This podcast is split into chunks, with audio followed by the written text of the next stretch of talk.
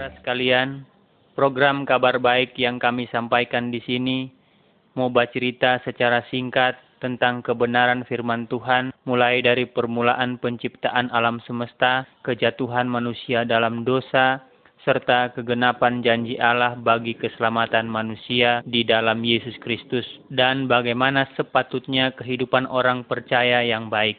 Selamat mendengar dan menyaksikan gambar-gambar berikut dengan baik. Bapak, Ibu, Saudara sekalian, sebelum saudara mendengarkan isi berita ini lebih lanjut, baiklah saudara mempersiapkan buku bergambar kabar baik yang harus dibuka dan dilihat sambil badengar isi kaset ini. Selamat badengar sambil melihat gambar. Gambar 1. Waktu alam semesta belum diciptakan. Pertama-tama yang ada hanyalah Allah. Waktu alam semesta belum diciptakan oleh Allah, belum ada manusia, binatang, laut, pohon, matahari, dan benda-benda yang lainnya. Semua itu belum ada. Waktu itu, keadaan gelap sekali dan nyanda taator. Allah menciptakan semua yang ada di dunia ini hanya dengan berfirman saja. Allah menciptakan seperti matahari, bulan, bintang, langit, dan bumi. Semua yang Allah ciptakan itu disediakan for keperluan manusia yang akan Allah ciptakan kemudian.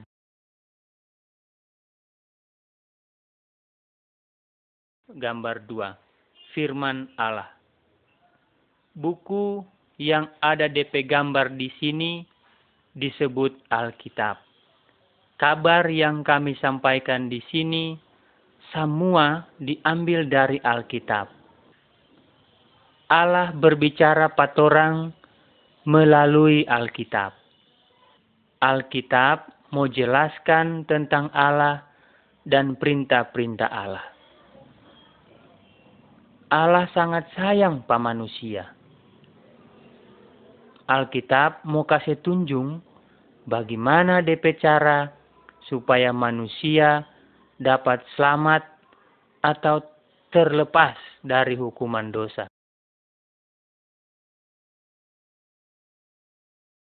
Gambar 3. Penciptaan alam semesta. Waktu Allah sudah menciptakan langit dan bumi, Tuhan Allah juga menciptakan segala macam pohon, burung, ikan, dan binatang-binatang lain. Semua yang Tuhan Allah ada ciptakan itu baik sekali, termasuk manusia juga Allah ciptakan. Tuhan Allah senang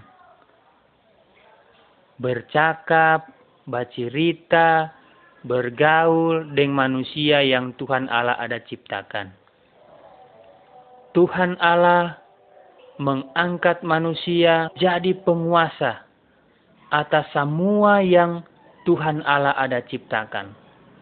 Tuhan Allah suka supaya semua ciptaan yang dia ada ciptakan itu hidup baku-baku baik.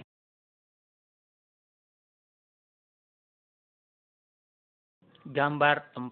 Adam dan Hawa.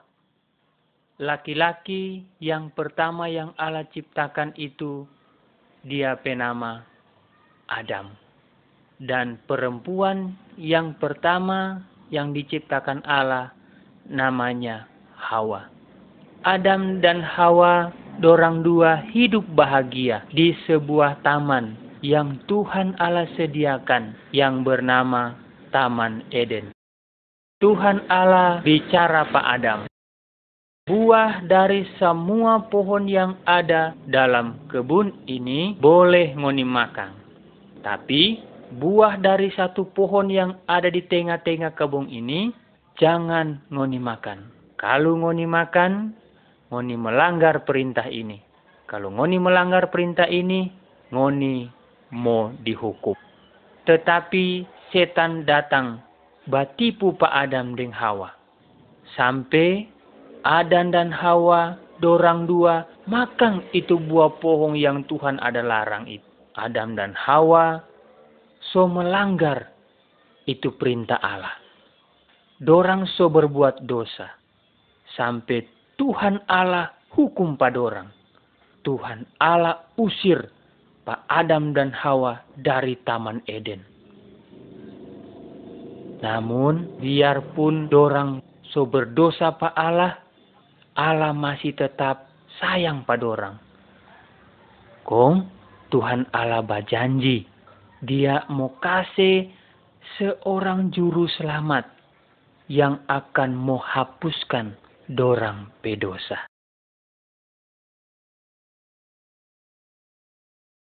Gambar 5. Kain dan Habel. Adam dan Hawa, dorang dua so jatuh dalam dosa. Jadi, karena dorang dua so jatuh dalam dosa, semua manusia, keturunan Adam dan Hawa juga so jatuh ke dalam dosa. Di gambar ini ada orang yang pegang kayu pemukul ini, dia bernama Kain. Kain ini adalah anak dari Adam. Mar, Kain ini benci sekali pada dia PAD. Dia PAD penama Habel. Suatu hari, Kain pukul Pak Habel sampai mati karena Kain sudah memukul Habel sampai mati, Kain so berbuat dosa. Saudara dan kita juga so pernah berbuat dosa. Cuma kadang-kadang torang malu mau mengakui. Torang so sering badusta. Torang bajudi. Torang berzina torang menyembah berhala, basimpang opo-opo, dan torang ja berbuat jahat yang lain.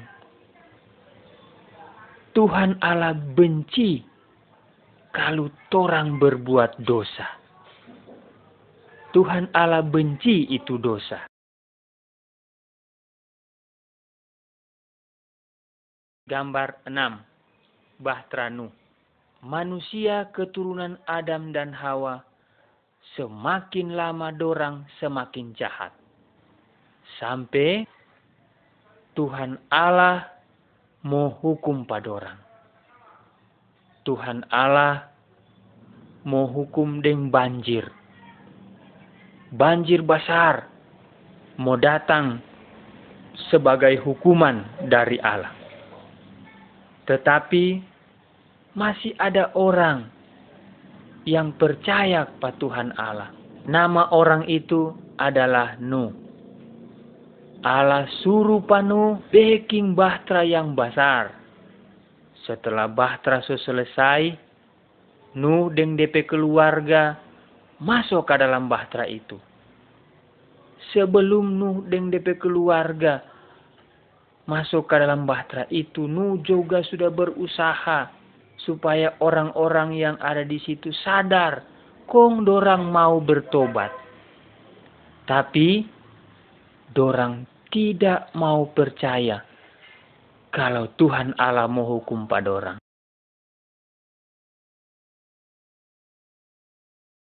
Gambar 7. Air bah atau banjir besar. Waktu Nu dan dia pe keluarga so masuk ke dalam bahtera, kunci itu pintu bahtera. Ujang besar turun selama 40 hari 40 malam. Sampai terjadi banjir besar. Semua tenggelam oleh banjir itu. Orang banyak baru mau sadar. Kong dorang baru mau iko panu. Mau masuk ke dalam bahtera. Tapi so terlambat karena Tuhan Allah so kunci itu pintu ke bahtera itu. Pokoknya semua orang yang ada di luar bahtera itu mati. karena dorang tidak percaya pada Tuhan Allah. Hanya Nuh dan dia pe keluarga yang selamat. Sebab Nuh taat kepada Allah.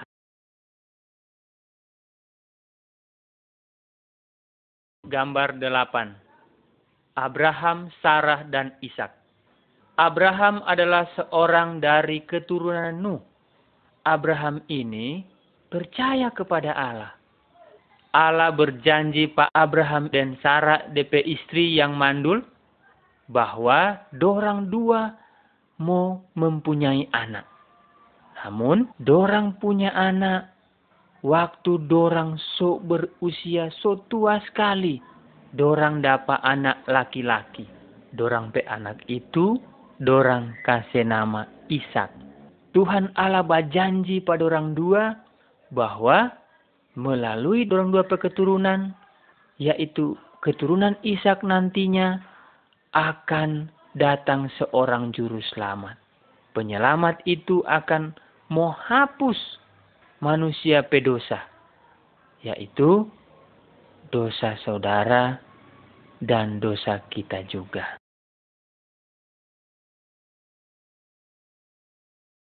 Gambar 9 Musa dan perintah Allah. Musa adalah seorang dari keturunan Abraham. Musa juga percaya kepada Allah. Pada suatu hari, Tuhan Allah suruh Pak Musa naik ke atas gunung Sinai. Di gunung Sinai itu Tuhan Allah kasih perintah-perintah Pak Musa. Torang lihat pada gambar ini, Musa so turun dari gunung. Sambil dia ada bawa itu perintah-perintah Allah di dia petangang. Allah suruh Pak Musa supaya itu perintah-perintah Allah itu disampaikan Pak orang-orang banyak. Tuhan Allah mau supaya semua orang taat Pak perintah-perintah Allah. gambar 10. 10 perintah Allah. Sebagian dari perintah Allah yang disampaikan melalui Musa digambarkan di sini. Gambar di kiri atas. Jangan menyembah patung, berhala, atau barang-barang keramat. Gambar di tengah atas. Dalam satu minggu ada enam hari untuk bekerja. Hari yang ketujuh adalah hari untuk beristirahat dan untuk sembahyang kepada Tuhan. Gambar di kanan atas. Anak-anak harus menghormati dia pe orang tua. Gambar di kiri bawah. Jangan membunuh orang gambar di tengah bawah. Jangan berzina. Jangan mau pa perempuan lain selain istrimu sendiri. Gambar di kanan bawah. Jangan bapak curi. Jangan suka ingin itu barang orang. Kalau kita taat kepada perintah Allah, hidup kita akan diberkati.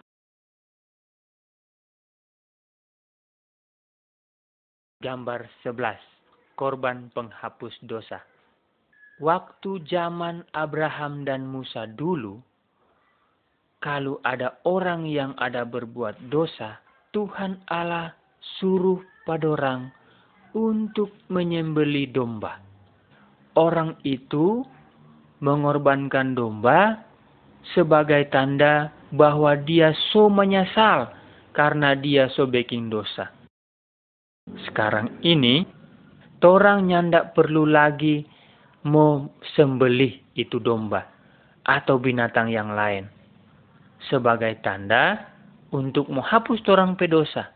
Karena Tuhan Allah sudah menjadi manusia, yaitu di dalam Tuhan Yesus Kristus.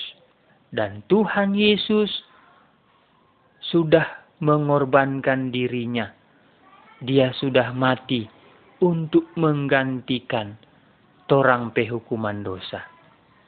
Tuhan Yesus so dicambuk, bahkan sampai dibunuh. Tapi pada hari yang ketiga, Tuhan Yesus hidup lagi. Seharusnya, toranglah yang mesti tanggung tuh hukuman itu. Karena torang so banyak ada baking dosa. Tetapi karena Tuhan Allah sangat sayang patorang, sampai hukuman itu dia sendiri yang ada tanggung. Supaya torang yang ada percaya pada dia, nyanda mau binasa. Tetapi torang akan beroleh kehidupan yang kekal selama-lamanya.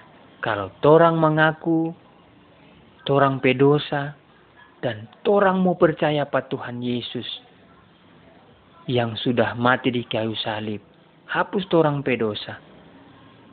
Maka segala dosa yang torang ada baking, pasti diampuni oleh Tuhan Yesus.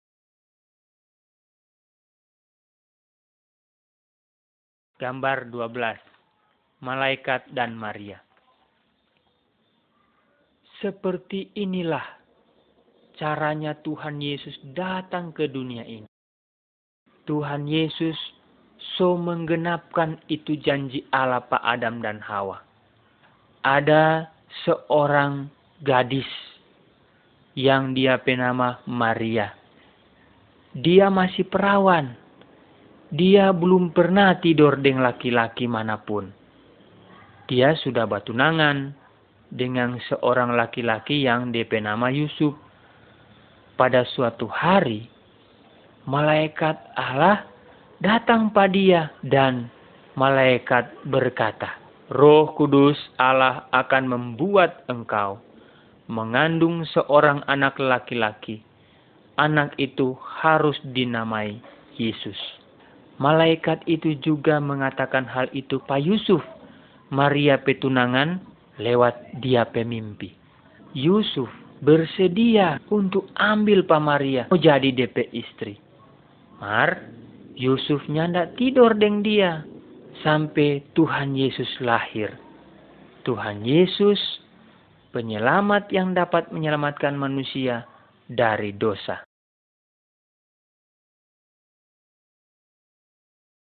Gambar 13. Kelahiran Tuhan Yesus.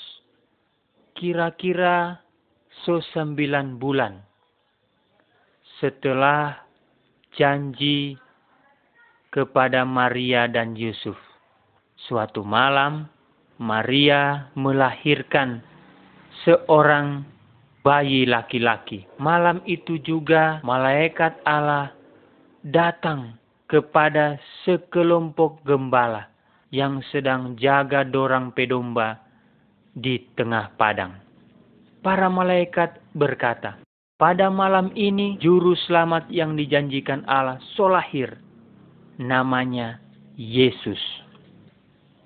Waktu gembala-gembala ada dengar itu malaikat ada bilang, dorang pergi, dorang mencari Tuhan Yesus kong dorang sembah. Yesuslah yang dapat menghapuskan segala torang semua pedosa.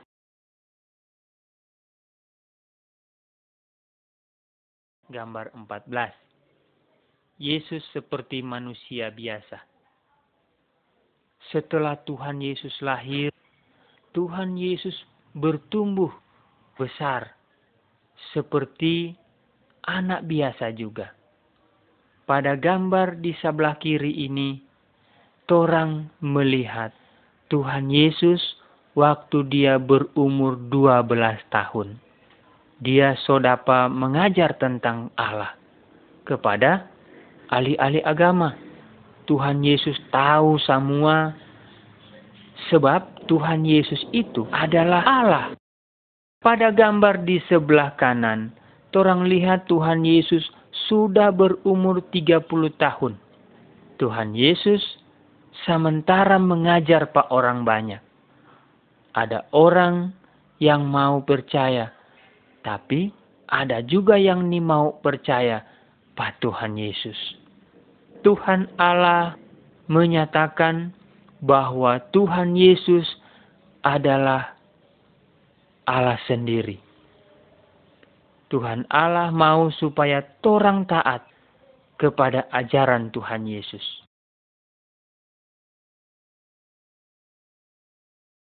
Gambar 15. Yesus membuat mujizat. Tuhan Allah yang torang percayai itu namanya Yesus. Dia hebat sekali. Dan dia sangat berkuasa. Tuhan Yesus lebih berkuasa dari semua setan dan dukun-dukun. Lihat gambar di sebelah kiri. Tuhan Yesus kasih sembuh orang yang buta. Lihat gambar di tengah. Tuhan Yesus kasih hidup ulang orang yang sudah mati. Lihat gambar di sebelah kanan. Tuhan Yesus ada bajalang di atas air. Tuhan Yesus sanggup mau tolong hidup saudara. Karena Tuhan Yesus adalah Allah yang Maha Kuasa.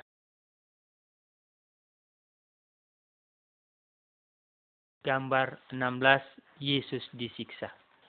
Selama hidupnya Tuhan Yesus selalu berbuat apa yang baik. Dia nyandak pernah bikin dosa. Tuhan Yesus ajarkan tentang Allah. Karena Tuhan Yesus ingin supaya semua orang taat Tuhan Allah. Tuhan Yesus ada terangkan pak orang-orang banyak bahwa manusia itu so berbuat dosa. Mar, dorang malah marah pak Tuhan Yesus. Lalu dorang tangkap pak Tuhan Yesus. Tuhan Yesus mereka pukul. Dorang ludah. Dorang ejek pak Tuhan Yesus. Tapi Tuhan Yesus nyandak melawang. Apa sebabnya? Karena Tuhan Yesus dia itu rela menderita seperti itu dengan maksud supaya hukuman dosa orang ini dia tanggung.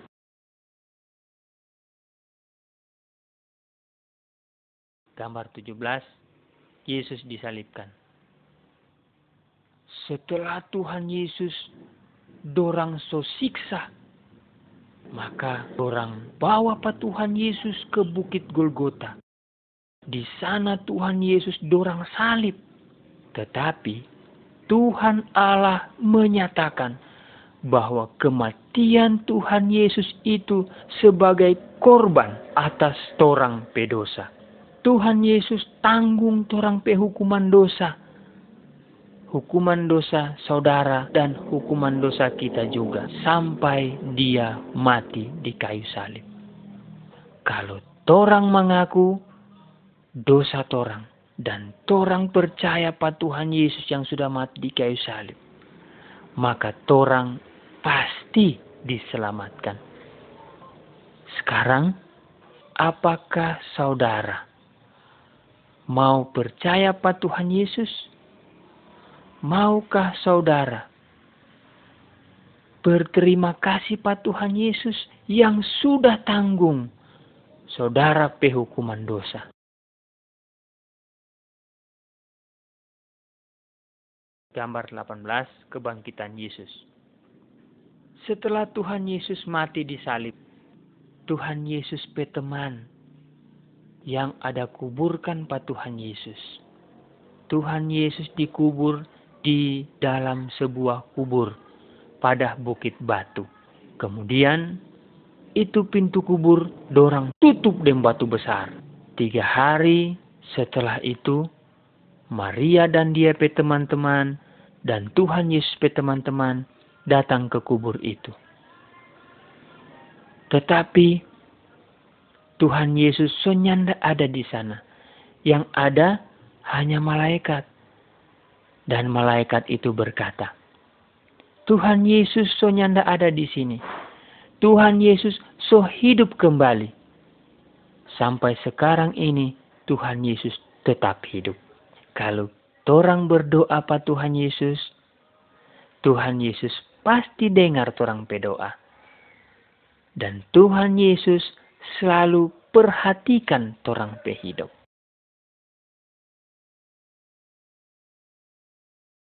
Gambar 19 Thomas Setelah Tuhan Yesus bangkit dari kematian, banyak sekali orang yang bertemu dengan Tuhan Yesus dan berbicara dengan Tuhan Yesus.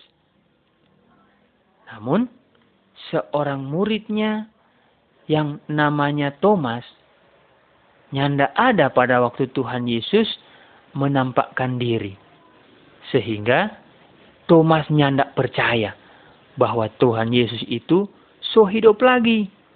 Thomas bilang, sebelum kita lihat DP bekas paku pada DP tangan, kita nyanda percaya bahwa Tuhan Yesus so bangkit. Kemudian Tuhan Yesus datang Pak Thomas dan Tuhan Yesus kasih lihat itu DP bekas luka. Baru Thomas percaya bahwa Tuhan Yesus sudah bangkit karena dia solia. Tapi Tuhan Yesus mau supaya torang percaya pada dia. Walaupun torang belum pernah lihat dengan torang pemata kepala sendiri.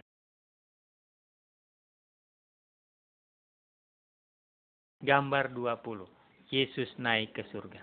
Sesudah Tuhan Yesus bangkit 40 hari kemudian dia mengajak DP murid-murid naik ke sebuah bukit. Tuhan Yesus berkata kepada mereka, "Sekarang kita akan pergi ke surga. Setelah kita pergi, Ngoni harus beritakan tentang kita kepada semua orang. Ngoni jelaskan bahwa kita pernah disalibkan untuk menanggung hukuman dosa semua orang. Dan semua orang yang percaya pada kita, dosanya diampuni. Nanti dia boleh tinggal bersama dengan kita di sorga. Lalu Tuhan Yesus pemurid-murid melihat Tuhan Yesus so terangkat ke surga. Waktu dorang ada baliak Tuhan Yesus terangkat ke surga. Kemudian datang malaikat Tuhan dan berkata pada orang, pada suatu hari nanti Tuhan Yesus akan datang kembali. Kalau Tuhan Yesus datang, dia mau angkat pada orang semua, orang-orang yang percaya pada dia. Orang semua mau pulang ke surga. Maukah saudara percaya kepada Tuhan Yesus? supaya nanti dapat ke surga. Gambar 21 kayu salib. Kayu salib mau kasih ingat orang akan kasih Tuhan Yesus. Tuhan Yesus itu tidak berdosa. Walaupun demikian, Tuhan Yesus rela disiksa dan bahkan dia mati di kayu salib untuk menanggung hukuman torang pedosa, yaitu dosa saudara dan dosa kita juga. Setelah mati, Tuhan Yesus bangkit kembali dan dia ada tinggal di surga. Sekarang ini, dia selalu bersedia mau tolong orang yang percaya kepadanya. Kalau torang mengakui dosa torang dan torang percaya kepada Tuhan Yesus yang sudah mati di kayu salib, maka torang pedosa pasti dihapuskan. Nanti torang boleh tinggal bersama-sama dengan Tuhan Allah di sorga.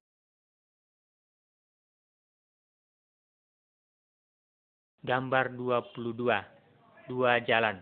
Tuhan Yesus mengatakan ada dua jalan. Yaitu ada jalan yang lebar dan ada jalan yang sempit. Setiap orang waktu dia lahir sudah ada di jalan yang lebar jalan yang lebar ini, dia menuju hukuman dalam neraka yang tidak dapat padam. Kalau seorang percaya pada Tuhan Yesus dan taat pada dia perintah, maka dia so bapindah dari jalan yang lebar kepada jalan yang sempit. Jalan yang sempit itu menuju hidup bersama dengan Tuhan Allah di sorga. Maukah saudara percaya pada Tuhan Yesus dan berjalan di jalan yang sempit? Kalau saudara mau, saudara bisa bilang pada Tuhan Yesus begini. Tuhan Yesus, kita mengaku bahwa kita ini orang berdosa. Kita percaya bahwa Tuhan Yesus sudah mati di kayu salib untuk menanggung kita berdosa. Tuhan, ampunilah kita dan ubahlah kita pehidup. Kita mau tinggal bersama dengan Tuhan Yesus di surga. Terima kasih Tuhan Yesus. Amin. Kalau saudara sungguh-sungguh berkata demikian kepada Tuhan Yesus, Dia akan mengangkat saudara sebagai anak Allah dan Allah sebagai Bapa saudara.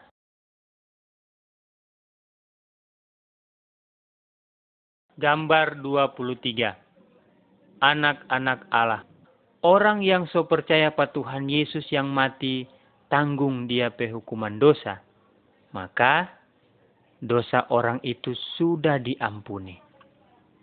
Tuhan Yesus akan mengubah dia hidup menjadi lebih baik. Orang yang sudah mengalami hal inilah yang sebenarnya disebut orang yang sudah percaya. Dia so dapat memanggil Allah itu sebagai Bapa dan dia disebut sebagai anak Allah. Allah sayang semua orang dari berbagai macam suku dan berbagai macam bangsa. Di dalam gambar ini orang melihat Tuhan Yesus sedang menyambut semua orang yang sudah percaya pada Tuhan Yesus.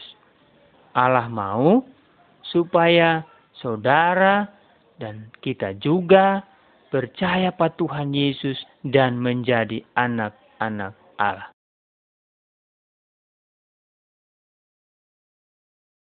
Gambar 24, Yesus dan Nikodemus. Dalam gambar ini kita melihat Tuhan Yesus sedang berbicara dengan seorang guru agama. Dia bernama Nikodemus. Tuhan Yesus ada terangkan pada dia, setiap orang supaya dapat masuk ke surga, dia harus diperbaharui jiwanya. Hanya roh kudus yang dapat memperbaharui jiwa manusia. Torang sendirinya ndak bisa. Meskipun dengan seluruh amal perbuatan kita. Karena kita semua sudah berdosa. Dengan mengaku dosa dan percaya bahwa Tuhan Yesuslah yang dapat menghapuskan torang pedosa. Maka roh kudus akan memperbaharui torang pejiwa. Kemudian Nikodemus mengakui dia pedosa dan dia percaya bahwa Yesuslah juru selamat yang dapat menghapuskan dia pedosa. Tetapi bagaimana dengan dosa saudara?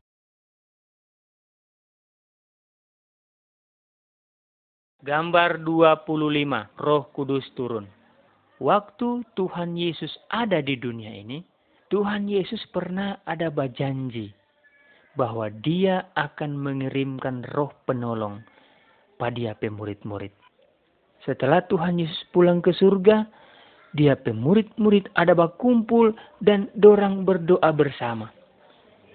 Tiba-tiba roh kudus turun dan berdiam di dalam diri mereka. Roh Kudus memberi kuasa pada orang untuk melakukan perintah Tuhan Yesus. Roh Kudus sebagai penolong dan penghibur bagi dorang.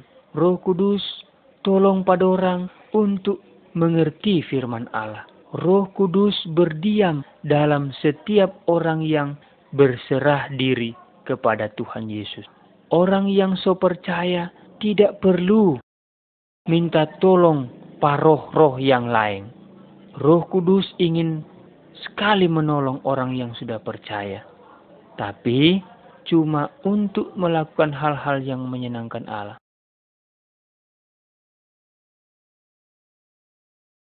Gambar 26. Berjalan di dalam terang. Orang yang nyandak percaya pada Tuhan Yesus sama dengan orang yang berjalan di dalam gelap. Dorang sering kali tersesat dan dorang sering kali jatuh karena tidak ada lampu. Dorang memerlukan seorang yang dapat kasih tunjung jalan pada orang yang betul dan jalan yang salah. Orang yang sudah percaya kepada Tuhan Yesus sama dengan orang yang berjalan dalam terang. Karena roh kudus sebagai penunjuk jalan bagi orang itu. Roh kudus menerangi jalan torang dengan kebenaran firman Allah.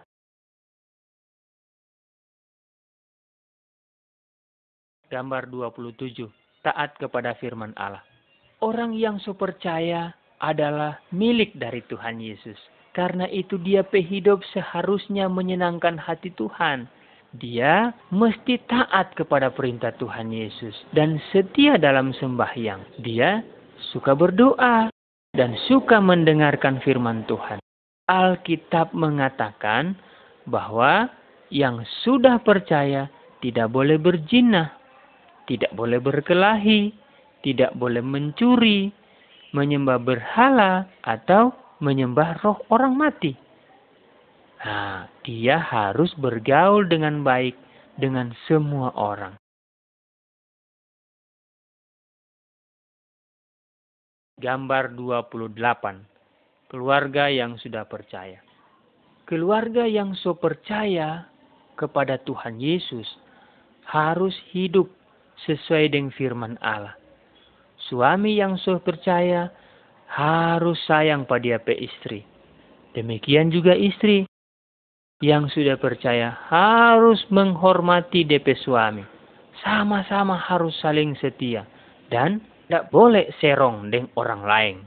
Dorang harus saling tolong menolong. Dorang harus mengasuh anak-anak dengan baik dan mengajarkan Tuhan Yesus pada orang pe anak-anak. Keluarga yang baik mesti berdoa bersama setiap hari. Gambar 29. Mengasihi orang lain. Allah menyuruh orang banyak supaya mengasihi semua orang. Termasuk orang yang ada babeking jahat pat orang. Pada gambar di sebelah kiri ini, torang ada lia, ada dua orang yang dulunya dorang dua baku musuh. Tetapi sekarang dorang sudah baku baik ulang. Nah, dalam gambar sebelah kanan, torang ada lia seseorang sedang menolong orang yang kena musibah. Padahal orang yang dia tolong ini dulunya suka bermusuhan dengan sukunya. Orang yang sudah percaya harus berbuat baik kepada semua orang dan mau mengampuni orang yang ada berbuat salah pada dia. Kalau kita mau mengampuni orang lain, maka Tuhan Allah juga akan mengampuni orang pedosa.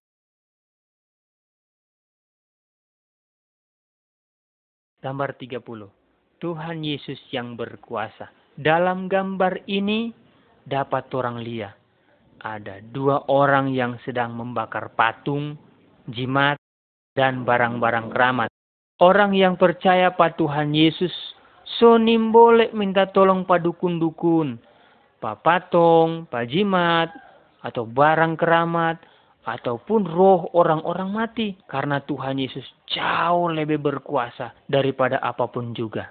Kalau orang sakit atau merasa takut, Jangan minta tolong padukun, papatong, atau jimat, atau roro orang manti. Minta tolong jo pa Tuhan Yesus. Berdoa jo pa dia. Katakan apa yang ngana ada perlu. Tuhan Yesus sangat mengasihi pengana. Tuhan Yesus dengar kalau ngana berdoa dan selalu dia bersedia untuk mau tolong pengana.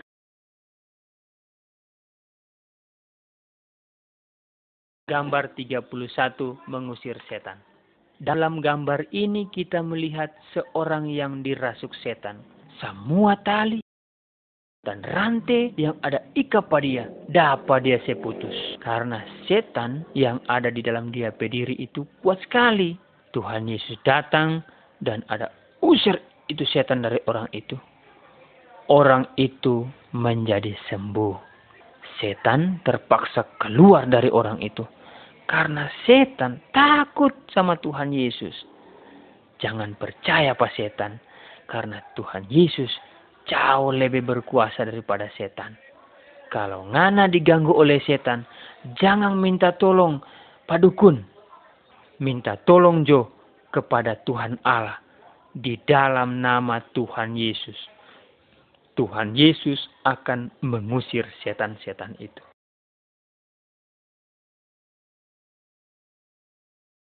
Gambar 32. Iblis atau setan adalah musuh Tuhan Yesus. Dan juga musuh orang-orang yang so percaya pada Tuhan Yesus. Setan itu berusaha mau orang yang so percaya. Supaya dorang mau lupa pada Tuhan Allah setan ada berbuat orang percaya memikirkan mengenai banyak uang. Setan membuat orang percaya memikirkan tentang pakaian dan barang-barang berharga lain. Tetapi orang yang sudah percaya harus tetap taat dan setia patuhan Allah. Orang yang so percaya ni mau sampai dia mau ada hutang, dia selalu ingat akan janji Tuhan Allah yaitu semua yang dibutuhkannya akan disediakan oleh Tuhan Yesus.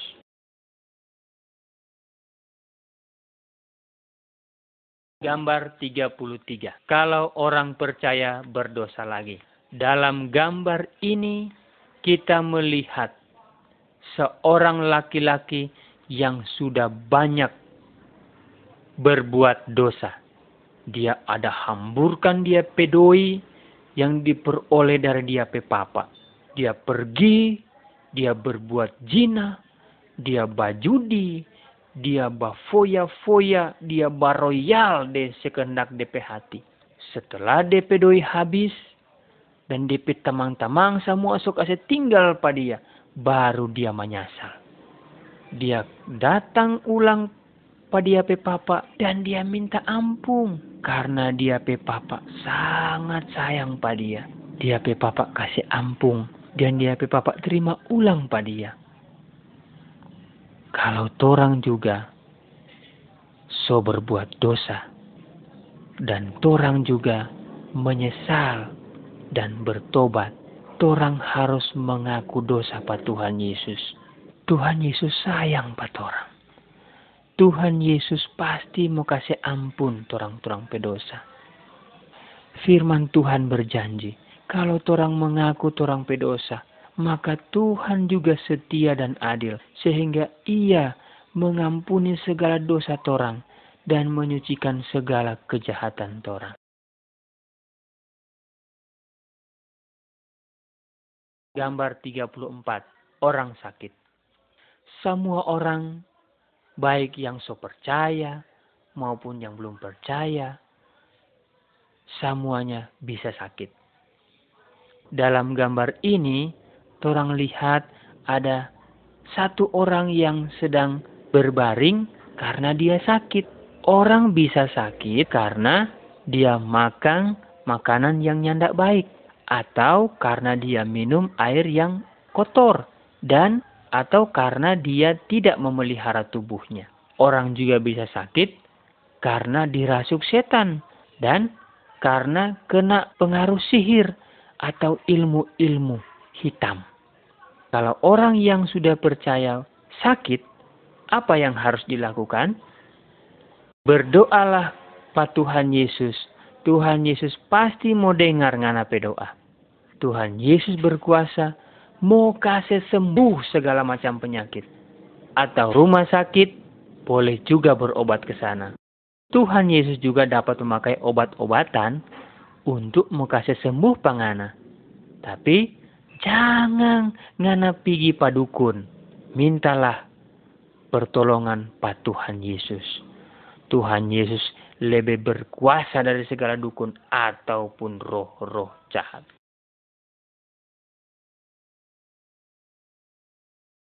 Kalau orang yang sudah percaya pada Tuhan Yesus, kalau dia nanti mati, maka tubuhnya dikubur.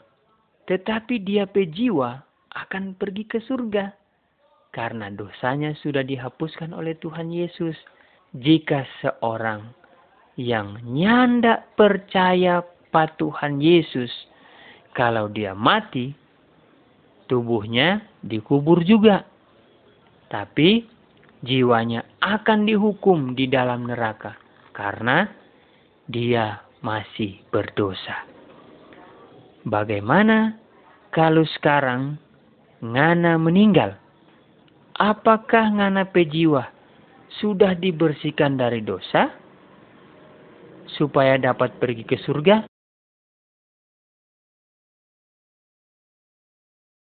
Gambar 36. Tubuh Kristus.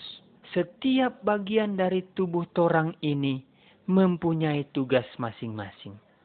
Misalnya, torang pemata ini untuk melihat, torang pemulut ini untuk bicara, dan torang petelingang ini untuk mendengar.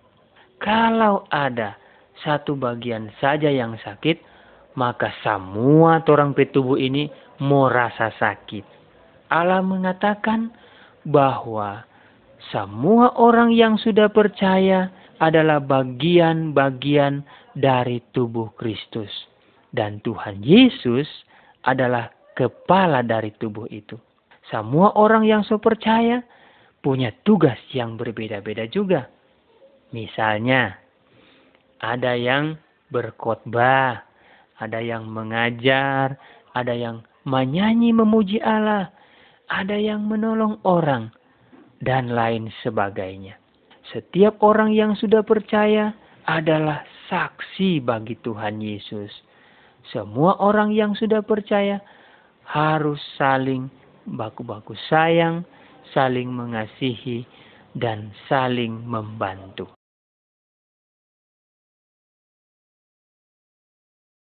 Gambar 37 Tuhan Allah memerintahkan supaya setiap minggu orang harus menyediakan waktu untuk sembahyang kepada Tuhan.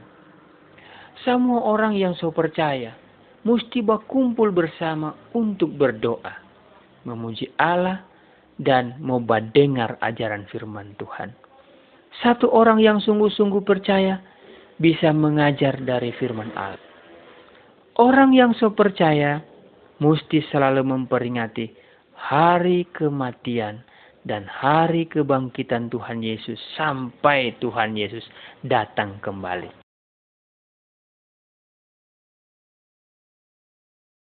Gambar 38 Tuhan Yesus akan datang kembali. Sekarang ini Tuhan Yesus so ada di sorga. Tetapi suatu hari nanti Tuhan Yesus pasti mau datang lagi ke dunia ini.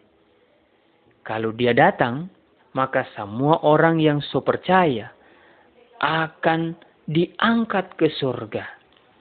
Tetapi orang yang ni mau percaya pada Tuhan Yesus akan dikasih tinggal dan dihukum di dalam neraka.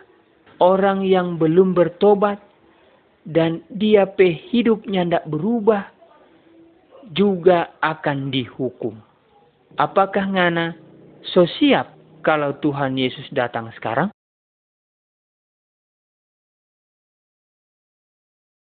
Gambar 39. Menghasilkan buah. kalau torang lihat pohon, maka dari pohon itu torang mengharapkan ada buah yang muncul. Dahan yang nyandak babuah akan torang potong dan torang bakar dalam api. Tuhan Yesus mengumpamakan dia pediri sebagai batang pohon. Dan semua orang yang ada percaya pada Tuhan Yesus sebagai dahan-dahannya. Dari semua orang yang percaya, Tuhan Yesus mengharapkan ada muncul buah-buah yang baik. Yang dimaksud dengan buah-buah yang baik itu adalah mengasihi orang lain, ada sukacita, setia beribadah, bersedia untuk menolong, jujur, dan hidup suci. Buah-buah tersebut mau timbul dalam hidup orang yang sudah percaya karena kuasa Roh Kudus. Hidup orang yang so percaya kepada Tuhan Yesus harus lebih baik daripada hidupnya yang dahulu sebelum dia percaya kepada Tuhan Yesus.